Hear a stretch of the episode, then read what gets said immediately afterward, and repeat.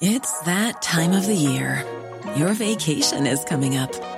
You can already hear the beach waves, feel the warm breeze, relax, and think about work. You really, really want it all to work out while you're away. Monday.com gives you and the team that peace of mind. When all work is on one platform and everyone's in sync, things just flow wherever you are. Tap the banner to go to Monday.com. There's never been a faster or easier way to start your weight loss journey than with PlushCare. PlushCare accepts most insurance plans and gives you online access to board-certified physicians who can prescribe FDA-approved weight loss medications like Wigovi and Zepbound for those who qualify. Take charge of your health and speak with a board-certified physician about a weight loss plan that's right for you. Get started today at plushcare.com slash weight loss. That's plushcare.com slash weight loss. plushcare.com slash weight loss. Hey, it's Ryan Reynolds, and I'm here with Keith, co star of my upcoming film, If, only in theaters, May 17th. Do you want to tell people the big news? All right, I'll do it. Sign up now and you'll get unlimited for $15 a month and six months of Paramount Plus Essential Plan on us. Mintmobile.com slash switch. Upfront payment of $45 equivalent to $15 per month. Unlimited over 40 gigabytes per month. Face lower speeds. Videos at 480p. Active Mint customers by 531.24 get six months of Paramount Plus Essential Plan. Auto renews after six months. Offer ends May 31st, 2024. Separate Paramount Plus registration required. Terms and conditions apply if rated PG. Mange er litt nysgjerrig, for man vet jo ikke så mye om deg. Nei. Har det vært bevisst? Uh, Nei, men jeg tror nok jeg følte at uh, i starten så delte jeg veldig mye. av Det var som jeg ikke hadde grenser, på en måte. Og så, etter, eller over tid, da, så kunne jeg kjenne på at det ble liksom en negativ ting, på en måte. At jeg ble møtt og konfrontert med ting som jeg ikke hadde lyst til å snakke med hvem som helst om. Men så måtte jeg det, fordi de allerede visste det, eller sånn. Jeg måtte forholde meg til at folk skulle mene så mye og sånn. Hva kunne det være? Det var for eksempel jeg møtte en eh, Jeg gikk forbi en eldre mann på, på gaten som begynte å snakke med meg om foreldrene mine sin skilsmisse, for eksempel. Som jeg nå er bare sånn der Herregud, hvorfor har jeg snakket så mye om det? Og så er det ikke sikkert at alle tenker at jeg har snakket så mye om det, men, men jeg føler jo det, da. Og da plutselig hadde han sine meninger om hvordan det hadde skjedd, og hva jeg skulle føle om det og sånn. Men Var det liksom ute på gaten? Ja, det var en fremmed, liksom. Han stoppa dem ute på gaten. Hva sa han? Nei, han, han begynte jo bare å ta opp sånn der Ja, jeg har jo fulgt med på det og skjønt at det og det skjedde, og, og bla, bla, bla. Og ja, hadde ulike meninger. Og, og jeg, jeg tror ikke jeg tenkte så mye på akkurat hva han sa, men at jeg ble sjokkert over at Ja. han tok det opp sånn. Veldig rart. Så da, etter det, så har jeg nok eh, blitt litt mer lukket, kanskje. Ja, at, ja, var, men han virker jo litt spesiell, da. Eller sånn, Det er jo spesielt Ja. å gå bort til folk på gata. 100 Og uansett om han hadde kjent deg dritgodt, så er det jo ikke det det første man spør om. Eller sånn, man ser jo an situasjonen litt. Selvfølgelig din beste venn eller nær deg gjør det, men du skjønner hva jeg mener. Ja, og så føler jeg vel at hvis du på en måte gir litt, da, så skal det ikke så mye til før uh, enkelte føler at de har krav på å vite mer. Ja. Ehm, så da har jeg bare blitt litt uh, mer uh, lukket, rett og slett. Ah. Men har du noen gang lyst til å fortelle mer? Det er jo ting jeg tenker at uh, en vakker dag så har jeg lyst til å fortelle om enkelte ting. Um, men så gjør jeg det ikke fordi at jeg føler at jeg er ikke klar for å håndtere hva som eventuelt kan følge med. Da. Ja, At er- jeg, jeg er sånn derre Jeg er ikke i stand akkurat nå til å Til å takle hvis hvis folk skulle hatt uendelig med meninger, og det skulle blitt en diskusjon ut av det, eller Jeg drar den jo veldig og overtenker masse, men ehm, men, men det er jo ting som jeg tenker sånn derre Fordi at man er litt offentlig, og, og det er jo typisk at livet ditt kan se superbra ut på sosiale medier eller sånne ting. Og, og så føler jeg også at sånn artistlivet kan se veldig sånn glemmete ut. Eh, så derfor tenker jeg at det kan være ekstra fint å også snakke litt om andre ting. Men eh, Ja, det er jeg enig i. ja. Det er jeg enig i. Men ja, det er jo litt sånn Forteller man én ting, så føler kanskje folk at de er, har litt sånn eierskap til din historie, men på en annen side så er det mange som har vært i din situasjon, som vokser opp med skilte foreldre, og som blir veldig takknemlige for å høre om det. Mhm. Og kan ha en de kanskje hører på musikken til eller ser opp til, så har gått gjennom det samme. Det føles jo helt sykt mektig. Ja, og det er jo det jeg syns er så fint. Mm. Og tenker at jeg har, jeg har flere ting å, å fortelle om som virkelig ikke handler om f.eks. skilsmissen, men, men andre typer ting som bare handler om meg selv, f.eks. Så jeg tenker sånn ah, jeg, jeg hadde satt pris på eh, at noen snakket om dette Mm. uh, før jeg eh, befant meg i denne situasjonen. Um, og nå som jeg befinner meg i den situasjonen, så, så føles det på en måte ikke helt trygt å snakke om det. I hvert fall ikke før man kanskje er eh, ferdig med det, eller Mm. ting er bedre, eller sånne ting. Da. Det skjønner jeg. Tror du noen ganger at det kan være litt terapeutisk å snakke om ting, og dele det offentlig, og bare Kanskje man kan ta litt eierskap til historien sin òg? Ja, jeg har jo tenkt mange ganger Jeg har tenkt mange ganger at å, jeg burde bare fortelle om alt dritt jeg noen gang har funnet på. Eh, og alt jeg liksom kan tenke at jeg angrer på, eller gikk skeis, eller whatever. Fordi at da er det ingen som kan ta meg på det og fortelle om det før meg. Altså ting som handler om meg, da. Ehm, men jeg sa dette til psykologen min en gang, og så sa hun eh, Hun skulle liksom få meg til å forstå at ikke det alltid nødvendigvis er eh, det riktige å gjøre, kanskje, for alle. Og så sa hun at ehm, det er forskjell på Altså, noen mennesker eh, banker på døren din, og så slipper du det Eller så kan de titte inn, på en måte. Du står i dørkarmen og sier hei, så går de. Og så er det noen du lar komme inn i gangen. Eh, og så er det noen som får låne toalettet før de går. Og så er det andre som får komme inn i stua. Og kanskje noen som får komme inn på kjøkkenet og kan spise middag hjemme hos deg.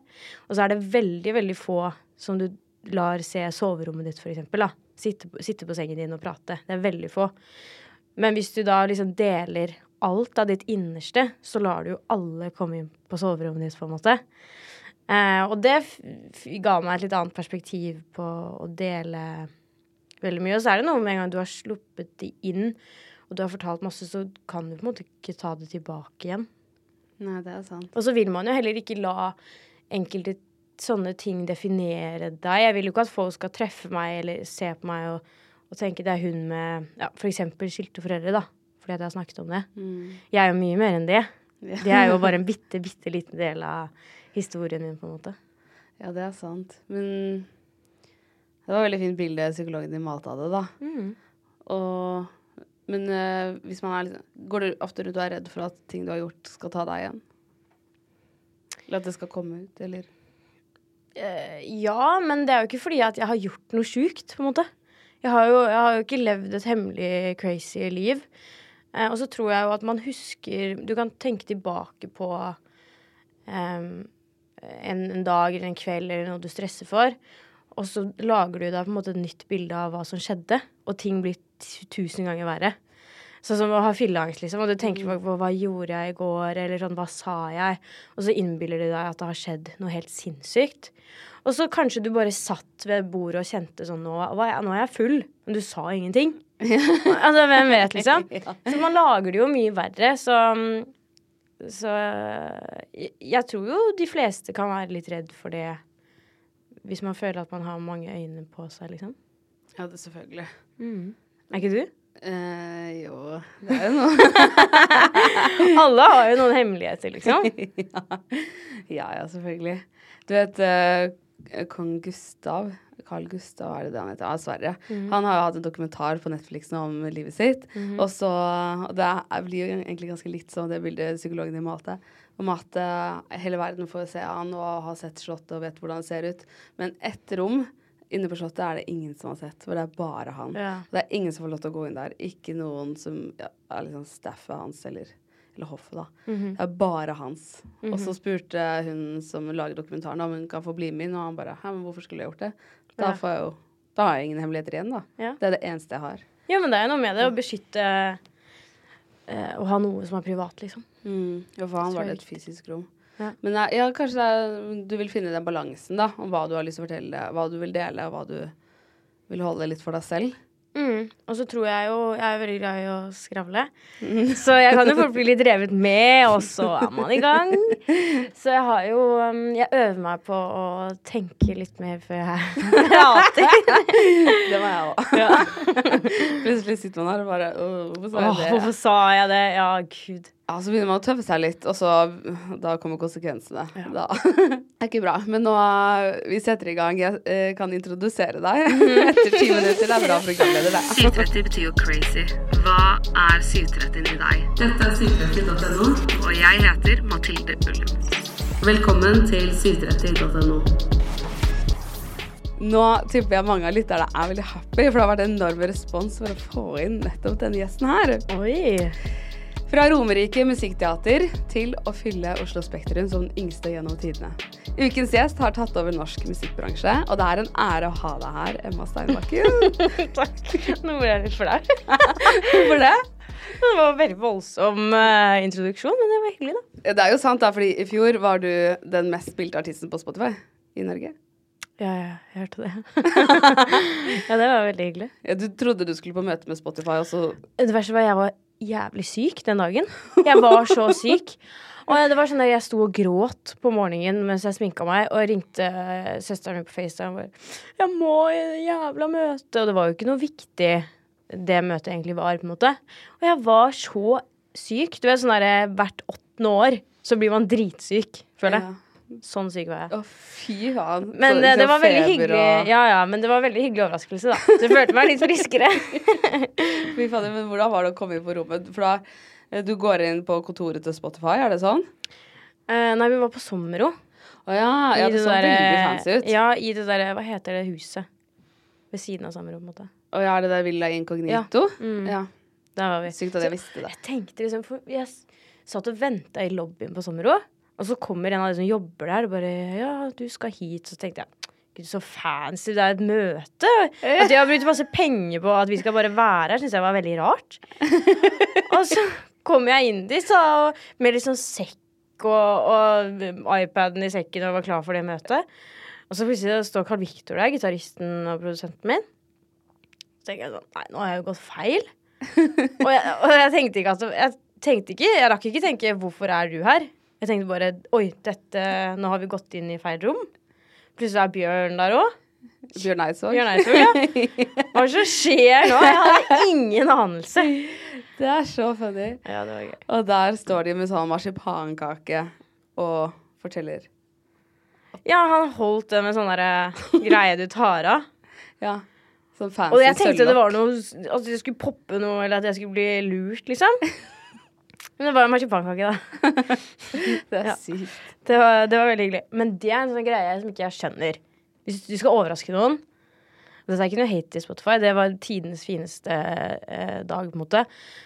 Men hvorfor velger man marsipankake? Det har jeg også lurt på. Jeg tror det er sånn musikkbransjegreie. Fordi ja, det var sånn der, En gang Sony også hadde sånn Skulle overraske meg med kake. Marsipankake. Så tenker jeg sånn Er det det flest spiser på en måte? Det er ikke Ja. meningen å hate på det, det er veldig hyggelig, men, men det er ikke det du bestiller på Marsipan? sier du? Nei, jeg liker jo ikke marsipankake. Så jeg har jo aldri spist den kaka jeg har fått. Jeg tenker på det, ja, det er old school. Liksom. Husker du det er en sånn film som heter Bare Bea? Som er sånn hver gang noen i gjengen, de er fire jenter, mister jomfrudommen, så skal de spise marsipankake. Ja, Altså. det. Jeg fikk en assosiasjon til det. Men uh, Og så blir de dritlei av å spise marsipankake etter hvert. Men, um, Ja, men det er jo ikke ja, det må jo dere også bli. For det det, du, du har jo fått noen etter Nå har det vært noen kaker. Men det, eh, det er ikke noe hate. Nei, nei. Bare så det er sagt. Men du kunne jo godt ha vært champagne eller Ja.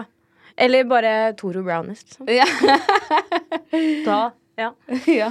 Det er gøy å komme med sånn marsipankake til sånn hardcore rappere. ja. Vær så god. Her er vi i Norge. ja. Da tror du det er det i USA? Nei, Nei. det tror jeg ikke det er. Men eh, vi må gå litt til starten, fordi jeg prøvde å finne ut hvor det her begynte for deg. For du var jo 15 år da du ga ut Not Gonna Cry, som er en sånn sinnssyk suksess. Men um, det begynte vel egentlig på Romerike Musikkteater med Annie? Der du spilte Annie? Ja, eller um, jo jeg, jeg spilte jo Jeg var jo med egentlig litt tilfeldig. Uh, og det verste av alt var at Tilfeldig som hovedrollen. Ja, og Altså, det høres jo helt grusomt ut. det var min største drøm som barn. Jeg skal bare etablere Ja. det med en gang. Nei, men uh, jeg, um, jeg har jo alltid likt å synge. Jeg hadde lyst til å være med på Idol.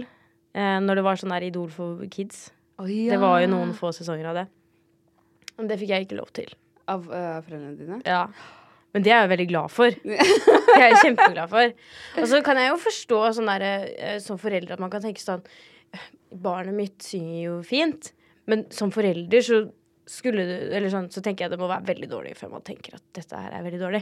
Ja. For man blir jo, man blir jo farget av at det er barnet ditt, liksom. ja. De er søte og synger og Ja. Men de så ikke at du var sånn monstertalent, eller? Nei. Men, eh, men det var ikke sånn derre Jeg gråt ikke når jeg fikk den her, liksom. Nei. Nei, det var ikke så viktig for meg. Men uh, i hvert fall så, så var det jo dette teatret som Jeg har jo spilt i teater, um, eller sånn musikalteater, akkurat det samme, bare seks år tidligere eller noe sånt. Så da var jeg veldig ung. Og, så, og da syntes jeg ikke det var så gøy. Så da hadde jeg tenkt sånn Teater er ikke noe for meg. Og så det verste hadde jeg tenkt eh, når jeg sånn ja, syvende og åttende, liksom sånn der teaterfolk, det er så rare. Ja, det er så det rart, Jeg er liksom. teaterfolk selv. Det er, folk er rare. Ja, sånn, dette er ikke for meg. uh, og så hadde jeg jo en del venner som skulle spille i det. For det var jo sånn, de trengte dansere, de trengte noen som ikke skulle synge, som bare skulle spille. Og så trengte de noen som ville synge, og begge deler. Uh, og så skulle en av mine gode venninner på audition for å danse. Uh, og så rett, rett før så, så tenkte jeg sånn ah, faen, jeg eh, drar jeg òg og synger en sang. Jeg har aldri tenkt at jeg egentlig er noen skuespiller. Og det trengte man heller for så vidt ikke være i sånn barneteater. Men eh, dro over på audition fordi at jeg ville høre hva noen andre enn mine foreldre sa om min synging, da. Um, Og da var du 14. da var jeg 14. Ja. Eller kanskje jeg var 13. For vi hadde premiere da jeg var 14. Ja, en av de. Eh, men i hvert fall så, så ble det jo bare Jeg ville bare ha en respons, og så skulle jeg jo ikke være med i det teatret. Og så etter hvert så tenkte jeg sånn ah, dette var litt gøy, og, og sånne ting. Så var det flere auditioner og sånn, så det føltes litt seriøst. Og, og så husker jeg sa til mamma sånn sånn ja, jeg, jeg har nok lyst til å bli med så lenge jeg ikke blir et tre, liksom. Som bare står stille i Ja. bakgrunnen. Da er det ikke så viktig for meg. Tre nummer fire fra høyre. Ja, og så um, ja, var det flere og flere auditioner. Og så til slutt så fikk jeg rollen som Annie. Og da tenkte jeg gud, dette må vi jo gjøre. Og det var jo noe av det morsomste jeg har gjort. Altså, Annie er jo den beste rollen man kan få. Ja, og det var jo kjempe Eller, ja. Det var jo flere der som ikke ville være Annie, for så vidt. Men jeg syns jo det var veldig stas, for det var jo så mye synging og greier. Det er så fine sanger. Ja, veldig. Og det var en ekte hund. Og, men det jeg syntes var det morsomste, var jo det der samholdet. Og at man var sammen hele dagen, og man var slitne sammen, og man satt på gulvet og spiste lunsj, og det var masse øving, og det syns jeg var veldig gøy. Ja, og så var det noen som kom og så dette her? Var det Eller, Jeg, skjønner Ja. at det var masse publikum, men hvordan gikk karrieren din derfra til uh, jo, jeg eh, Rett før premiere, så Eller noen måneder før, kanskje, så var jeg på en sånn grillfest med familien. Og det var bare meg og mine søsken som var kidsa der. Eh, det var hos uh, min onkel, som ikke bor uh, i Oslo eller Jessheim eller noe sånt. Um, og med min mor og ja, familie, men aller mest folk jeg ikke kjente, som var liksom venner av de voksne. Og her var jeg jo da 14 13-14, da. Um, og så har jeg alltid likt oppmerksomhet. Mer da enn nå, det skal sies. Um, men, men eh, Og jeg likte jo å synge. Så da, og det visste jo ja, i hvert fall familiemedlemmene mine. Så de spurte sånn Ja, vil ikke du synge en sang? Du vet sånn kidsa gjør noen ganger i voksenselskap. Um, og, jeg, var- og jeg hadde jo lyst, men jeg var skikkelig sånn Nei, å, jeg vil ikke. Så min eh, bonusmamma, stemor, da, står Jeg har sett videoen, hun står rett bak meg sånn Holder meg på skuldrene mens jeg står der og synger, da, for jeg syns det var skikkelig skummelt.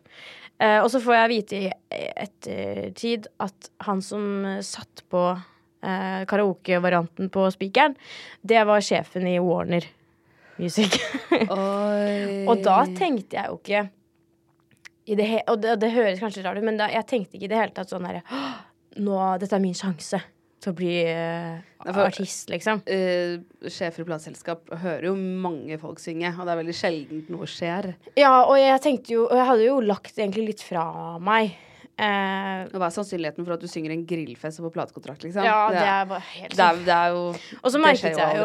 Nei, og jeg merket jo når jeg var uh, ganske ung, sikkert liksom åtte år, at sånn Å ja, alle dere vil også bli popstjerner. Eh, og da skjønner du etter hvert sånn ja, det, det er ikke sånn som skjer med hvem som helst. Vi finner på noe annet. Um, så jeg hadde lagt det fra meg, men jeg syns han var så kul fordi han jobbet jo med alle jeg hørte på, og alle jeg elsket. Uh, så jeg ventet til han til det hadde gått litt mer tid, han hadde drukket en øl til, liksom. Og så eh, gikk jeg bort til han og så sa jeg, er det du som jobber i Warner? Eh, og så satt jeg meg ved siden av han, og så stilte jeg han bare masse spørsmål. Om hvordan det er sånn Hvordan funker det og det, og kjenner du de og de, og har du vært der, og har du sett det? Og, og han hadde jo bare gjort alt jeg syntes var dritkult. Og så var han sånn, du må si ifra hvis det er en konsert vi drar på, eller sånne ting. Og jeg tok jo han veldig seriøst. og han sa jo også litt utpå kvelden, ja, du kan jo komme innom kontoret og titte litt, liksom, for gøy, da. For jeg kjente også en annen som jobbet i Warner. Og jeg tok jo dette seriøst. Dagen etter la jeg en tid på Facebook. Dagen etter det så sendte jeg, eller kanskje samme dagen, sendte jeg en melding. Hei, jeg har fri på tirsdag. Kan jeg komme? eh, og det passa. så da tok jeg toget til Hei. Oslo. og, og fikk eh, titte på kontorene og fikk litt merch. Og syntes bare det var jævlig kult. Kødder du? Så sykt gøy! Ja, det var veldig gøy. Det sier ikke at folk kan Det er ikke mange som får gjøre det. Nei, det var jo superstas. Ja, er Herregud. ingen Altså, de gidder ikke å ha masse folk der. Nei, det var Det Men han, han har vokst opp med min mor. Så kan det var en, en tjeneste. og, så tok han, og så fikk jeg bli med på noen konserter og sånne ting som jeg syntes var dritgøy, så klart. Eh, og så etter hvert så var jeg litt sånn oh, Jeg har jo ikke noe mer å si til han fyren her, liksom. Eller sånn Ta meg med på flere konserter, men jeg ville jo ikke si det. Um, så tenkte jeg hvordan kan jeg holde kontakten oppe? uh, og så har han eh, noen barn som er litt yngre enn meg. Så jeg inviterte de på, på Annie, da. For å holde kontakten oppe. Men etter Annie så fikk jeg en, en lang melding av han hvor han lurte på om jeg ville dra i studio og prøve å synge. For gøy. Fordi han hadde vært og sett. Fordi han var og så på Annie. Oi. Så det er veldig Det er mange tilfeldigheter her, føler jeg.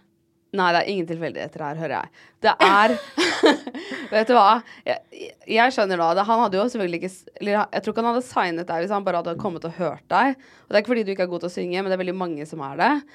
Men for å være artist så må du jo være veldig mye mer enn bare en god vokalist, da. Så han så jo en jente som er så jævlig sulten og god Så skam... Ska, hva heter det? Skamløs? Skamløs? Ja, du må jo være litt skamløs hvis du har lyst til å gjøre noe, da. Hvis du Ja. skal få til noe, så må man jo på en måte legge egoet litt til side og være sånn OK, du har noe jeg vil ha. Bare gå rett bort og si det, liksom. Ja, men jeg, jo, men jeg føler vel at det var tilfeldigheter fordi at jeg ikke hadde en sånn baktanke om noe sånt. Nei, nei, nei. Det var ikke du sånn, jeg syntes det han gjorde var kult, og Ja, du var ja. helt ærlig på det. Og så bare du Ja. lever i en verden jeg vil inn i, liksom. Og, og så i tillegg kunne du synge. Men han ble nok ganske fascinert av pågangsmotet ditt, og at du var så åpen og sulten på denne karrieren din, da. kanskje. Ja. Ja, det er ikke noen tilfeldigheter her. Herregud. Men jeg skjønner jo at man har lyst til å si det, fordi Ja, det, føl det føltes i hvert fall sånn. Men uh, etter det, i hvert fall, så Så dro vi i studio i Asker. Eh, og så fikk jeg synge på en Emilie Nicolas-låt som ikke eh, er sluppet. Eh, og så skulle jeg liksom prøve å gjøre det på min egen måte, og det ble jo ikke noe særlig pent, eh, men jeg husker. Men eh, etter det så, så fikk jeg dra i session med Skinny Days. Eh, og da skrev vi Not Gonna Cry. Så ting skjedde jo veldig fort. I hvert fall når jeg ser tilbake på det nå. Jeg var sikkert ekstremt utålmodig back then. For det var med å skrive den. Ja. Shit. Men altså, på en helt annen måte enn jeg ville skrevet en låt i dag, da. Det var jo min første session i mitt liv, på en måte. Og det er jo bare en helt sinnssyk følelse å få være i et studio. Så, og så føler man seg jo gjerne litt sånn derre ja, Eller jeg kjente jo på i noen år at alle mine ideer er så dritt i forhold til deres. Fordi dere er voksne mennesker som har gjort dette i, altså, lenger enn jeg har levd. Ja, på en måte er det jo litt fint at ikke en 15-åring kom og Ja, kan gjøre alt bedre enn folk som har gjort Det hadde ikke vært bra. men, men jeg syns jo den teksten er veldig fin, da. På no, Not Gonna Cry. Ja. Det er jo mange ting som er så sykt relaterbart både for 15-åringer, men også når man blir litt eldre. ja. Som er litt sånn. Ja, følelsen av å føle seg dum og hva er det vi driver med, og Skal ikke gråte for deg. ja. Så det syns jeg er kjempefint. Takk. Herregud, og så slapp du den, og hva skjedde da? Da ble den ukas låt på P3. Intet mindre. Intet mindre. Så et, først så er det sånn Å, der er han Det var Leif, ikke sant? Sjefen i Warner. Nei, det var Guttorm. Guttorm. Å ja, han var sjef i Warner da. Mm. Herregud, selvfølgelig. Han er manageren din nå. Ja. ja. Så han er jo, det er jo veldig hyggelig. Han er jo den første jeg møtte noen gang i musikkbransjen. Og har vært uh, manageren min ever since. Så, så nå kjenner vi jo hverandre veldig, veldig godt. Og det er superhyggelig. ja, så koselig. Og da er det jo ekstra gøy at man går fra, fra grillfest uh, til Spektrum sammen, da. Det er Herregud, dere har gått hele den lange veien fra Jessheim til Oslo. Ja. Men dere har jo tatt noen pitstops i Tyskland og overalt. Ja. Det, det det. herregud, så koselig. Mm. Og det er sikkert litt fint for familien din nå, som ikke hadde så lyst til at du skulle bli superstjerne som barn. At Ja. du har en de kjenner godt, da, som de kan stole ja, på. 100 Jeg tror de har satt veldig pris på det. Herregud, så koselig. Ja. Og da har du alltid en sånn supersterk støtte. ja. Åh. Det er, så, det er sånn altså, Vi var jo i et møte bare tidligere i dag. uh, uh, og det er ikke så ofte jeg vil si at vi sitter og, i et møte med noen som vi Altså vi treffes fordi vi eh, lurer på om vi skal jobbe sammen, samarbeide om noe. Ikke artister, da, men, men andre ting. Så er det ikke så typisk meg å si sånn Ja, men dette, dette føler jeg er veldig bra, og dette er jeg veldig fornøyd med, så vi sier ja takk hvis du har lyst. Men i dag gjorde jeg det. Eh, og, og det var jo sånn vi snakket om på, på vei hit, at sånn eh, han tre, han trenger, Jeg trenger ikke fortelle ham hva jeg tenker engang. Han bare ser på blikket mitt om det er ja eller nei, om det er 'dette skjer ikke', eller om det er liksom 'oh my god, dette må vi gjøre'. Fordi Så det dere er har jo- jobba så sykt tett. Ja, så det er jo en veldig det, er, jeg, det er noe jeg setter veldig høyt, da, å jobbe med folk som, som kjenner meg så godt, og som jeg oppriktig føler er familie, liksom. Har han fortalt om hva han tenkte da du kom bort til ham på grillfesten? Eh, Det har han sikkert gjort, men um, Jeg husker ikke hva, hva det var. Men, men jeg, jeg kan jo tenke meg at uh, når jeg skulle synge, eller når jeg sang på den grillfesten her, at det var litt sånn ja, det er som du sier, De hører jo folk synge hele tiden. De blir jo tilsendt ekstremt mye musikk. Sjekk ut dette. Um, og sikkert også blir ofte satt i en situasjon hvor det er litt sånn Jeg kjenner noen som er så bra, dette må du sjekke ut, dette må du høre på. Uh, som sikkert jeg, Eller jeg kan se for meg at det også gjør at når du først er i en sånn sosial setting med venner, så du driter litt i det. Eller sånn derre Det er ikke da du sitter og hører etter om dette er noe du skal jobbe med. Jeg tror ikke det er i tankene dine, liksom. Nei. Jeg tror, men jeg tror også du kunne liksom vært Ariana Grande og stått der og sunget, og så hadde man kanskje ikke brydd seg så mye, men det at du er så på, tror jeg jo avgjorde ganske mye. Ja, Hvis ikke hadde vi sikkert ikke møttes noen gang igjen. Nei. Nei, men det er bra. Det er tenk så mange som gir opp da, etter å ha fått et avslag, eller en, ikke fått svar på en mail, eller For det er jo en stor del av livet til folk som har lyst til å bli artister eller skuespillere eller noe. Så man må prøve og prøve og prøve og prøve. Ja. Jeg ser jo tilbake på, på de årene og tenker bare Herregud, jeg hadde jo en enorm eh, selvtillit, på en måte. Eh, uten at jeg hadde fortjent den på et vis. Eller sånn der, jeg har oppriktig bare vokst opp og tenkt eh, Uansett hva jeg har lyst til, så kan jeg få til det. Og så blir man litt eldre, og så kjenner man at alle har noen begrensninger. Men jeg tror jo at hvis jeg ikke hadde hatt eh, det synet på ting, da, og hvis jeg ikke hadde turt å tenke at så klart kan jeg få til whatever, så Og ikke bare med musikken, for jeg har aldri tenkt sånn herre Eller kanskje da jeg var syv-åtte år. Jeg skal bli neste Beyoncé, liksom. Ehm, men det der å tørre å prøve i det minste, da. Jeg tror Hvis ikke jeg hadde hatt den selvtilliten, så hadde jeg aldri Ja, da hadde jeg prata med han. Da hadde jeg aldri sunget der, eller blitt med på Annie, eller whatever. Det tror jeg vi også er veldig glad for at du gjorde. For vi har jo fått masse bra musikk ut av det. ja, så hyggelig. Så det har vært så bra. Det var, I fjor så var du jo med på Hver gang vi møtes. Mhm. Og da jeg tror det var en dag du hadde 20 låter på topp 200 eller noe. Oi, herregud. Ja, det er veldig Ja, det var jo veldig Det er veldig mye. da. ja. Satt og så på det bare what the fuck? Det, Jesus. og da 20 år gammel, liksom. Det er, det er veldig imponerende. Ja, takk. Apropos guttorm, da, så spurte jeg liksom han om det var noe han tenkte på eh, som vi burde snakke om. og, og han var sånn Jeg lurer litt på hvordan det er, altså. hva hun tenker om at jeg har tatt hele ungdomstiden hennes. Oi, det er et godt spørsmål. Ja, for Hvorfor da... har han ikke spurt meg om det? Må jeg gjennom deg for å få svar på det, liksom? det er så fint at jeg kan ta den samtalen mellom dere. Ja. Ja, for det som skjer, er jo at du begynte å jobbe profesjonelt veldig tidlig.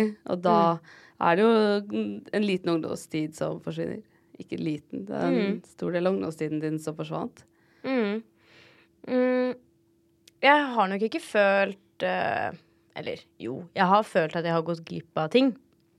Men så har jeg jo skjønt i ja, kanskje som regel i ettertid da, at eh, det jeg holdt på med eh, når jeg da gikk glipp av noe, er eh, Eller ga meg mer nå eh, enn det andre ville gjort. Som for eksempel eh, når jeg gikk på første klasse, i første klasse på videregående, og jeg hadde aldri vært på klassetur før noen gang. Um, og vi skulle på klassetur til England, og det var liksom så fett, og alle gleda seg, og det skulle bli så party, liksom. Uh, men jeg fikk ikke blitt med fordi jeg skulle på Skavlan isteden. Så, så, at jeg ler, det er så sykt. ja. Og, og nå tenker jeg jo sånn jeg, jeg er ganske sikker på at jeg fikk mer, mer igjen for Skavlan enn enn for den klasseturen. Um, men når du er liksom 15-16 år, så, så vil man jo Eller jeg ville i hvert fall være med på alt, da. Og følte at jeg gikk glipp av liksom, de viktigste tingene og, og, og sånne ting. Men jeg ser tilbake på det og tenker at uh, Jeg føler jo at jeg har hatt en ungdomstid, og at jeg har gjort mye forskjellig for min del. Jeg vet ikke om det er lov å si, men for min del så var det kanskje Eller det var ikke, det var ikke helt jævlig for meg, eh, for mine private ting, at korona kom.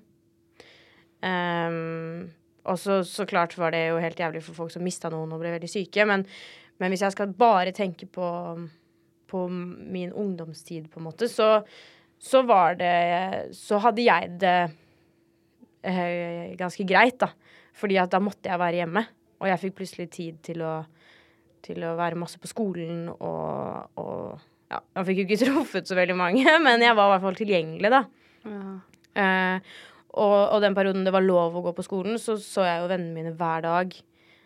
Eh, så da følte jeg at jeg eh, fikk liksom henta meg inn litt eh, på sånne ungdomsteite ting.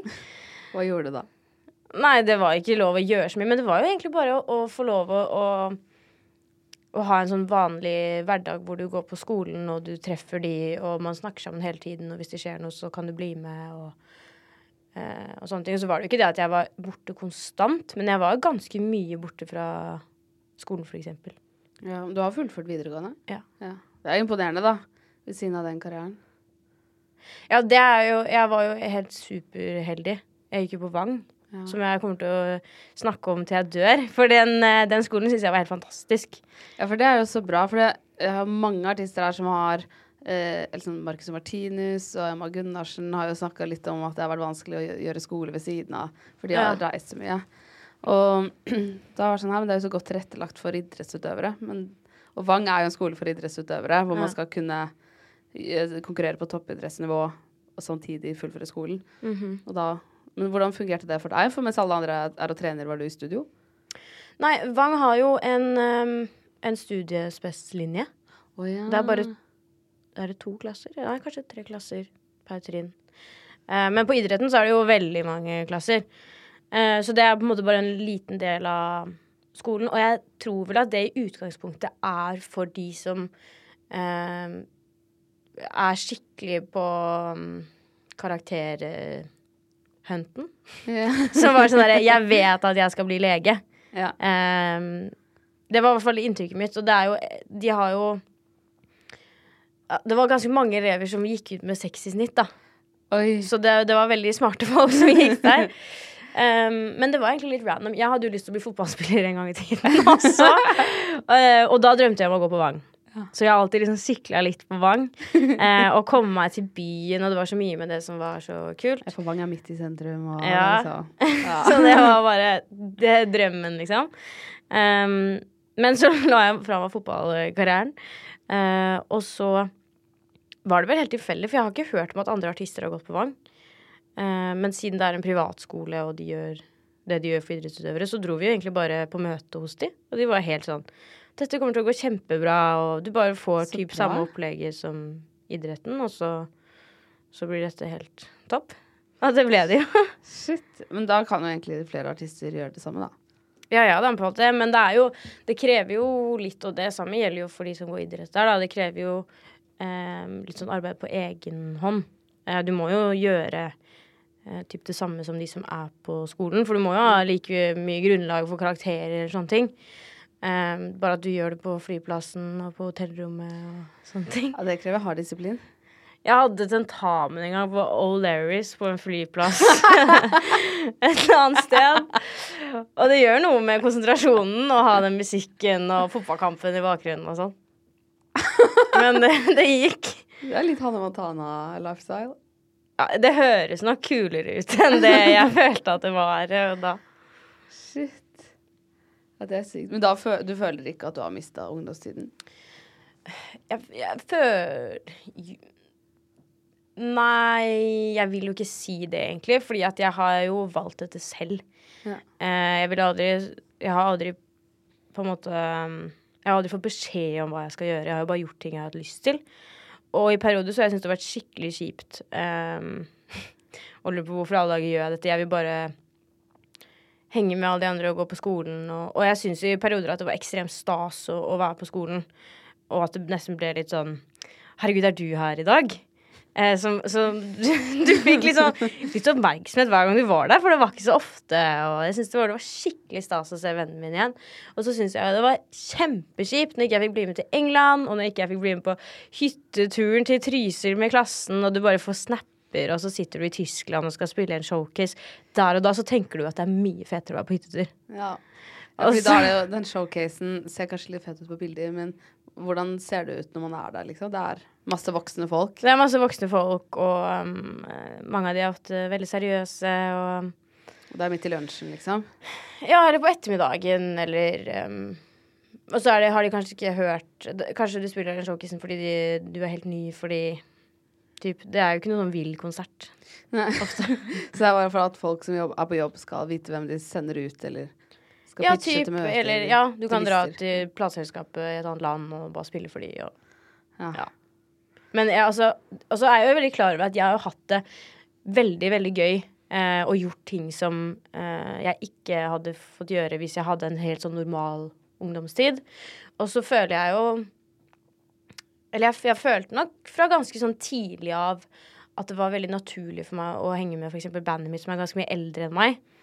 Det føltes ikke veldig unaturlig. Um, og jeg syns det, det var digg å ha ganske mye ansvar, og jeg flyttet jo ut da jeg var 17 og syntes det var helt topp. Jeg ville jo flytte ut når jeg var 12, liksom.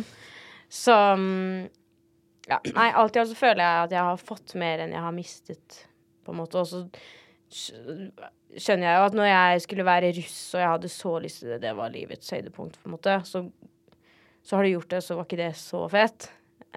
så Ja, for det er vel noen ting du har gjort som du har sånn ah, Som kanskje har slått den hytteturen og England-turen. ja. Hva, liksom, hva vil du si har vært det kuleste? Eh, Jeg tror noe av det som jeg syns er det beste med jobben min, er, er at jeg eh, jobber med mine beste venner. Em, og den tiden vi har sammen. Du blir kjent på en helt annen måte. Man bor sammen, man har så mye reisetid og um, Og man er jo Når du er liksom hvis, vi, hvis du er på turné, da. Livet skjer, på en måte. Du kan være kjempelei deg, du kan være kjempeglad, og du er fanget inne på en buss med alle disse menneskene. Man kommer veldig tett på. Og, og da at vi De har jo vært bandet mitt siden 2019. Så vi kjenner hverandre så godt. Så bare å ha det Ja, alt som skjer imellom konserter og sånne type ting, er jo noe av det jeg syns er det morsomste.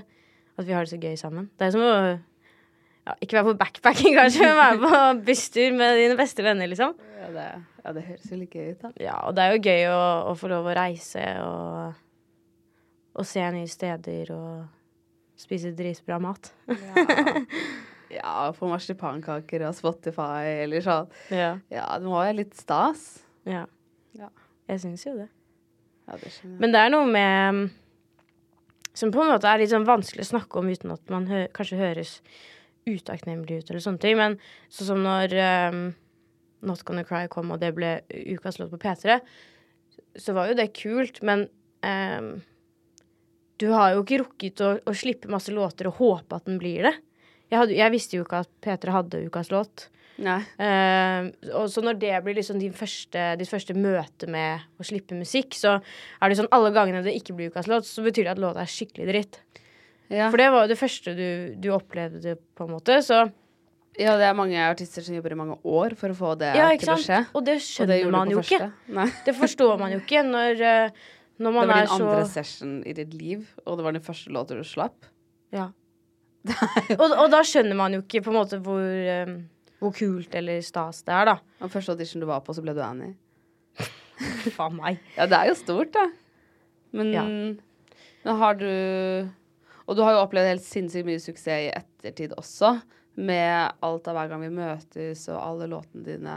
Men har det vært Eller hvordan var liksom første skuffelsen etter Not Gonna Cry? Oi, det husker jeg egentlig ikke.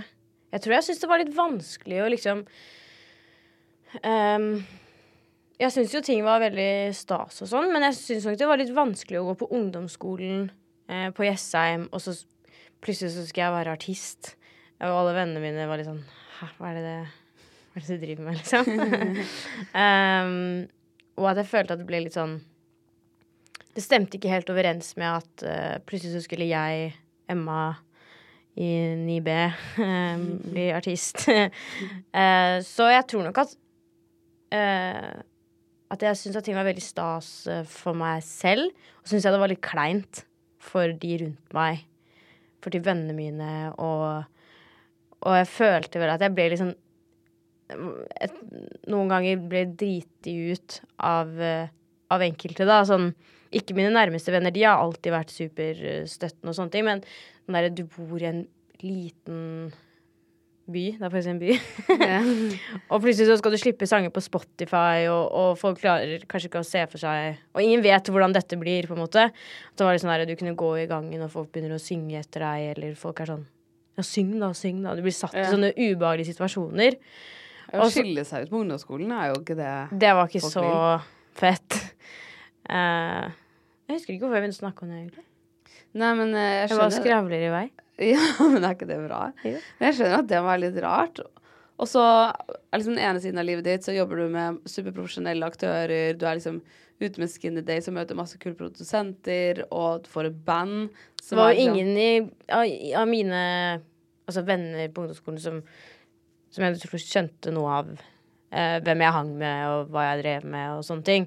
Og det skjønner jeg jo veldig godt, men det ble en ganske sånn stor distanse mellom meg på jobb og meg privat, for jeg syns rett og slett at det var kleint, da. Ja. Enkelte ting, liksom. Um, men uh, hva tenkte jeg på? Jo, og så var det jo ikke sånn jeg gikk på ungdomsskolen, og da hadde sluppet Not Gonna Cry og sånn, så var det ikke alle lærerne som syntes at det var så fett. For jeg kunne for eksempel spørre kan jeg kan jeg få gå et kvarter før eller, eller 20 minutter før fra siste time fordi at jeg skal ha session i Oslo, og toget går en gang i halvtimen. Og det tar 45 minutter hjem med meg. Eh, da var det jo Det kan hende det har skjedd en eller to ganger at jeg fikk lov, men som regel så var det Det skjer ikke, liksom. Og jeg husker at vi hadde en sånn runde i klasserommet på en sånn utdanningsfag, hvor du skulle finne ut av hva du ville bli og sånn. Og folk svarte de villeste ting. Eh, og når jeg svarte artist, da, så, så var liksom ikke det Så fikk jeg tilbake at det går ikke, liksom. Det gjør man ikke. Nei, sånn, det, det skal så mye til at det, du burde finne på noe annet, liksom. Og jeg fikk jo karakteren to i musikk på ungdomsskolen. Så Hæ? Ja. Hvorfor det? Jeg, fikk, jeg tror jeg fikk det dårligste i hele klassen. Well, look at you now. Ja, Det er ikke så farlig for meg nå lenger, men det er liksom faen, altså. Jeg følte det bare var en sånn derre Finn på noe annet. Ta, her har du den toeren her, og så finner du på noe annet. Men hvordan er det mulig? Du har først sluppet en låt du har skrevet selv, på, og som ble ukas låt på P3. og som har blitt en sinnssyk suksess, og så Obligatoriemusikk. ja, ja. Nei, jeg lo nok litt av det eh, da. Og jeg, hadde, jeg kom jo inn på Vang eh, med liksom eh, karakterene mine til jul. Så det siste halve året på ungdomsskolen så ga jeg jo litt bengen, på en måte. Eller sånn derre Da kunne jeg le at jeg fikk den toeren i musikk. Men jeg har jo tenkt litt på det ettertid. Hvorfor faen fikk jeg det? Jeg syns jo det var litt Litt rart. En toer? En litt sjalu lærer, kanskje? Kanskje. Ja, det høres jo sånn ut, for det Du kan jo musikk. Men jeg, jeg, det var sikkert fordi jeg spilte piano. Jeg er ikke noe god på piano. Ja. Jeg sang uh, Stay With Me eller noe sånt. Og spilte piano. Men jeg tror jeg dreit litt i det. Jeg tok det sikkert ikke så seriøst. Og så jeg husket det som om det var så ekstremt dårlig gjort å gi meg en ord. Men jeg, kanskje jeg fortjente det. Nei, det kan jeg ikke se for meg. Hey, it's Ryan Reynolds, and I'm here with Keith, co star of my upcoming film, If, only in theaters, May 17th. Do you want to tell people the big news?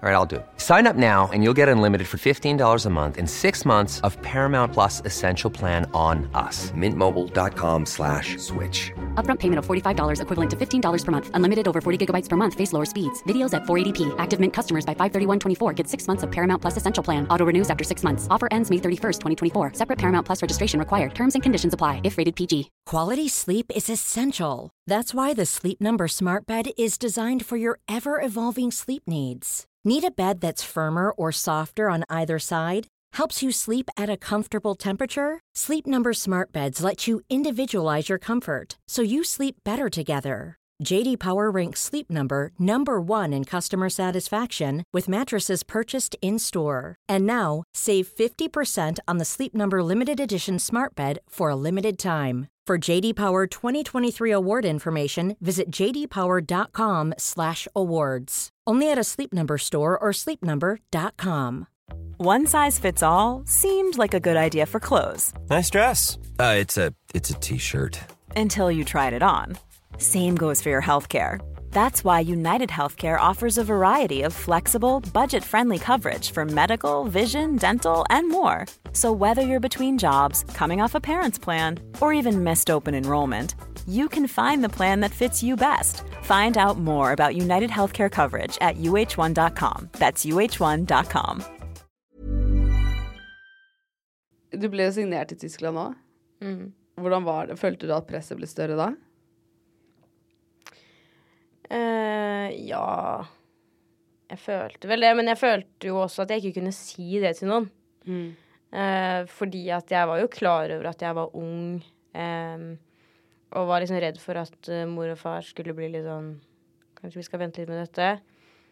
Uh, så jeg husker at jeg syntes det var vanskelig å si helt ærlig at uh, nå får jeg litt packeren over dette. Men så tror jeg nok at jeg også var ganske sånn derre Herregud, de vil jo signere meg nå. De kan ikke forvente at jeg skal bli en helt annen variant etter jeg har skrevet navnet mitt her, på en måte. Du klarte å tenke det? Ja. Det er veldig rasjonelt. Det er jo sant. Sånn, de signerte jo den de ville ha. Eller sånn. Ja, og så de skjønner jeg at de, når man er 15, liksom, at de tenker jo så klart at, uh, at jeg skal utvikle meg og sånne ting, men uh, de må jo ta meg som jeg er òg, på en måte. Uh, så jeg syns nok at det var aller mest gøy eh, Ja, jeg syns vel det. Men da også var det sånn Det er jo sånne ting som man har vært igjennom med bandet sitt, at de kunne jeg jo gjerne snakke med om hvordan jeg følte det. For de var jo unge og fete, og de kom ikke til å si det til noen hvis ikke jeg ville det. på en måte. Um, og da når man har vært gjennom noen sånne runder hvor man bare kan fortelle alt om man stoler på hverandre, da, da blir man godt kjent. Ja. Så det er hyggelig. Så jeg følte jo at jeg hadde en, en stor støtte i de, og vi var jo Den dagen vi signerte kontrakten i, i Tyskland, så dagen før hadde vi spilt en showcase. Um, og kvelden før vi skulle signere, da, altså etter denne showcasen, så kjente jeg bare sånn Gud, hva er det jeg holder på med? Hva er det jeg gjør nå?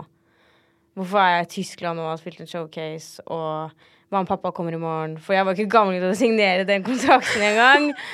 og bare, hva er det som skjer? Um, og da husker jeg at jeg bare Jeg tror jeg kanskje hadde type panikkanfall, liksom. Ble superstressa. Og ringer Carl Victor og bare 'Du må komme, du må komme'. Og da satt han der og trøsta meg helt til det gikk fint igjen. Eh, og det har han nok ikke sagt til noen. Så det er veldig Jeg føler meg veldig trygg på at jeg kan stole på, på den gjengen, og at vi vet at vi tar, vara, tar, tar vare på hverandre. Å, så fint at du har den støtten. Mm. Jeg skjønner, Du står jo litt i sånn dilemma der. Du er dritstressa, det er et sinnssykt stort press på deg. Og det er ganske mye penger i omløp, og folk begynner å få forventninger. Og så vil du ikke si det til foreldrene dine fordi du er redd for at De skal si sånn, da må vi vente. ja, skal ta det vekk fra deg. Mhm. Og man vet jo aldri om man får det tilbake. Det er jo ikke sånn at du kan permittere deg fra den kontrakten. på Ja, ring meg om tre år, liksom, så får vi se. Ja, det, Det skjer jo ikke. Hvis du skulle sagt til managementet, så kanskje de også hadde sagt OK, da er det for tidlig, liksom. Vi må bare Ja, og kanskje ikke de hadde sagt til noen av dem, men man, man tenker jo det, og det kan godt hende de hadde gjort det. Ja. Så, um, så da var det fint å, å ha noen, og det, det, var jo, det her var jo ikke en sånn bekymring jeg hadde lenge. Ja. Men du vet sånn noen ganger hvis du stopper opp og så tenker du sånn Hva, det, hva skjer i livet mitt nå? Liksom? Mm. Eller sånn der, Det føles uh, ikke ekte. Fordi det er et eller annet du har drømt om som skjer, og så bare sånn Hæ? Er det mulig? Er vi virkelig her? Og så blir det bare overveldende, liksom. Jeg kan ikke forestille meg hvordan det er. Og Nei, det var jo litt vanskelig. Man tror jo ikke på at man For det blir jo sånn derre I perioder så har jeg nesten følt at jeg ikke har levd mitt eget liv, på en måte. mm. At det skjer så mange ting som man jeg, Man klarer ikke ta det helt innover seg, eller man, man uh, det. Det føles så voldsomt å ta det innover seg også, så man bare blokker det litt ut, og så bare ser man hva som skjer, liksom. Ja, og så plutselig så kommer det jo over deg, og da kan det jo føles veldig, veldig overveldende. ja, ja, Har du noen gang blitt starstruck av noen? I hvert fall i starten. Ja. Da syns jeg jo alt var jævlig kult. Jeg ble starstruck bare av å se en mikrofon. Ja. Syntes jo alt var fett. Men det var en gang jeg var i et studio i Stockholm. Eh, da var jeg vel 16, kanskje, eller noe sånt. 15-16. Ja. Um, og det var dritfint studio. Det var sånn eh, typ på brygga, liksom, i Stockholm. Jeg var der med Ole Torjus og Eivind Helgerød og, og sånn. Um, Som er produsent eller musikere? ja. Ja. Tilfelle lytteren ikke vet hvem Ole Torjus og Eivind er. Cezinando ja. eh, og Gabrielle og sånn. Um, men jo, så kommer det Jo, det var vel en litt sånn treig dag, sånn jeg husker det. Jeg syntes det var skikkelig vanskelig å komme i gang. Og, og var sånn faen, eller liksom. Det er sommerferie, jeg er i Stockholm her, alle vennene mine er hjemme. litt sånn. Um, og så kommer det en gammel mann inn, rett etter at vi på en måte har begynt, og det er en god flow her, og spør sånn uh, Kan jeg låne eh, studio i 15 minutter, eller kan jeg et eller annet sånn? Og jeg ble jo litt sånn Herregud, er det mulig, liksom? Vi har jo leid det studioet her, og du, du kan Hvem er du, liksom? Du kan ikke bare komme inn og ta deg til rette her, liksom. Akkurat nå er det vårt studio, og ja. Um, og ble litt irritert, da. Men så syntes jeg det var veldig rart, for det var ingen av de andre som reagerte, eller ble irriterte. Alle var sånn ja, helt greit. For det viste seg at her var han der eh, Benny Andersson fra ABBA. Ja, det var akkurat det jeg tenkte det måtte være noe fra ABBA. det var han fra ABBA, og det var hans studio. Som var enda verre. Han eide studio, og jeg var sånn Åh, din jævla gamle gubbe, liksom. Kom deg hit, nå jobber vi. Og de var sånn Vet du ikke hvem det er? Så da ble jeg jo stum. Og så fikk jeg jo dårlig samvittighet, så jeg sa jo unnskyld til han etterpå. Så da spanderte han lunsj på oss da, for at han fikk låne stu sitt eget studio i 15 minutter. Å, herregud. Så da Jeg ble, jeg ble ikke starstruck, men da ble jeg sånn flau. Sånn der, Hvem tror jeg at jeg er? Å, det er Så, veldig gøy. ja. Stakkar Benny. Men det er jo ikke alle som ville kjent igjen han nå. Men Nei, altså, nå hadde jeg kjent han igjen, men jeg kjente han jo ikke igjen i det hele tatt. Det er jo fordi du har Han var jo- han. Han var jo litt kul og Ja, søt, gammel mann, liksom. Men det var litt irriterende da. Kom inn her. I sitt meg. eget studio. Det var han fra ABBA, ja. ja, ja. Hvordan ser studioet hans ut? Dritfint. Svært. Ja, Det tror jeg på. Nydelig beliggenhet. Ja. Veldig bra. ja. Har du eget studio? Nei. Jeg produserer jo ikke, Nei. og jeg klarer jo ikke å spille noen ting. Spiller du ingen instrumenter? Jeg har tatt pianotimer flere ganger. Men jeg har ikke kommet noen vei. Revenge for den toeren i musikk? Jeg prøvde på det. Det var jo Jeg ble jo Jeg følte at jeg på en måte ble dårligere og dårligere mellom hver pianotime. Så det var skikkelig flaut å komme tilbake. Jeg hadde ikke øvd noen ting. Jeg syntes det var så kjedelig. Ja, det er veldig kjedelig å øve. Jeg har spilt piano i mange år, men jeg øvde aldri mellom timene. Nei, det er kjempekjedelig. Og så tror jeg at jeg gikk inn i det med sånn derre Åh, nå skal jeg lære meg mine egne sanger. og så begynte vi med sånne der barne, barnesanger og sånne der viser og sånn. Hallo, det var ikke det jeg Kan vi ville spille spille. Not Gonna Cry? Ja. ja, jeg var sånn. Så ja. Nei. Ja, det var litt morsomt, da. Herregud. Har det skjedd noen gang at du har kommet inn i et studio, og så er det ingen som har kjent igjen deg? Eller sånn Eller hvor du har blitt irritert for noen ikke har kjent deg igjen? Eh, nei, jeg, har, jeg tror jeg aldri har blitt irritert for at ingen har kjent meg igjen. Nei. Det, det Det har jeg, tror jeg nok nok si ikke det har da. reagert på. Nei.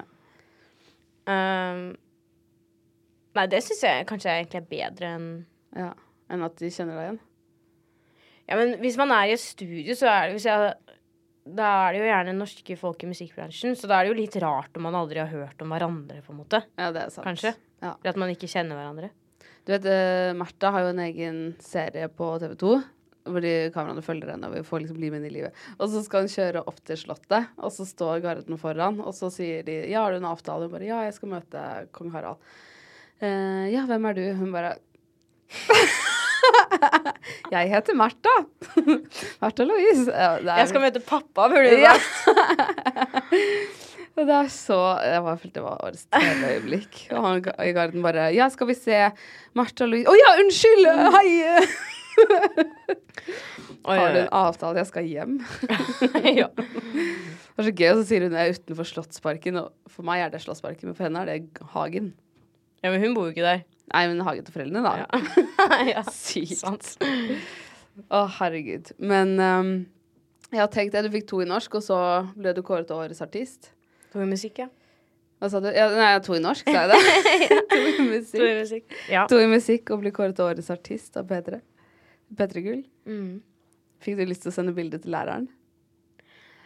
Uh, nei Nei Men uh, jeg, jeg kjenner jo at sånn Den toeren er ikke så viktig lenger. Det ordna seg. Ja, det ordna seg. Så mm, Nei. Men det syns jeg jo var uh, sjukt stas. Ja, herregud. Mm. Men hva er liksom Syns du prisene er mest stas, eller tallene på Spotify? Eller, for alle de er jo liksom med på å måle suksessen, eller hva? Eh, kanskje mm, eh, Hvor mange som vil komme med å se oss spille, Ja. Egentlig. Ja, For du skal jo spille på Spektrum nå. Ja. For jeg er ikke så Det- Det er ikke så Jeg sjekker veldig, veldig sjelden egentlig aldri tall på Spotify.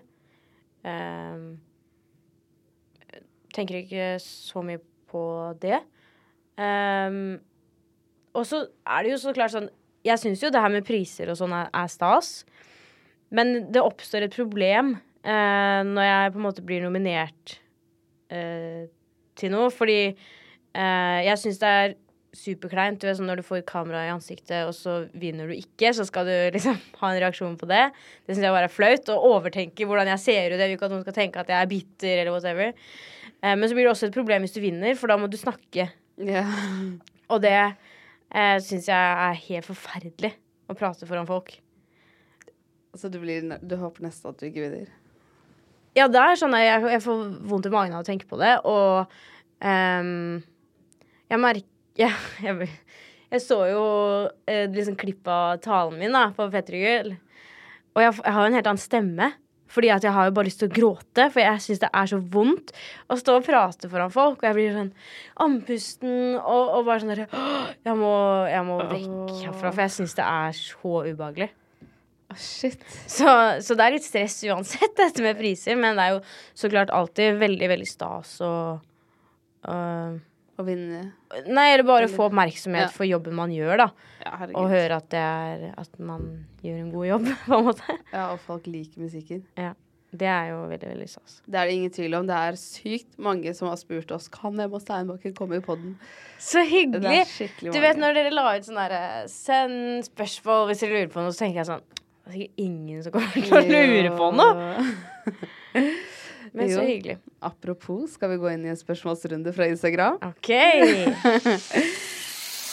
Spørsmålsrunden kommer ut i en egen episode, og den ligger ute allerede nå, så sjekk den ut. Ha det bra. Ha det.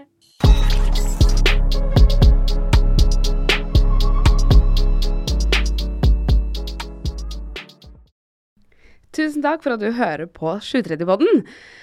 Hvis du har lyst til å være veldig kul, så er det bare å legge igjen fem stjerner. Og da blir jeg veldig glad, fordi det er jeg som lager alt til denne podden. Og jeg trenger masse gode stjerneanbefalinger for å kunne be sjefen min om litt høyere lønn. Så det hadde vært veldig fint. Jeg slipper nye episoder hver eneste tirsdag. Og hvis du ikke har hørt alle ennå, så er det bare å spole tilbake i biblioteket. Og trykker du på følg, så kommer alle de nye episodene rett inn i spilleren sekundet de blir sluppet. Send meg gjerne en DM hvis det er noen du har veldig lyst til å ha som gjest. Og husk at vi alltid poster spørsmålsrunder på Instagram Story, så da kan du få med spørsmålet ditt i neste episode hvis du vil det. Ha det bra!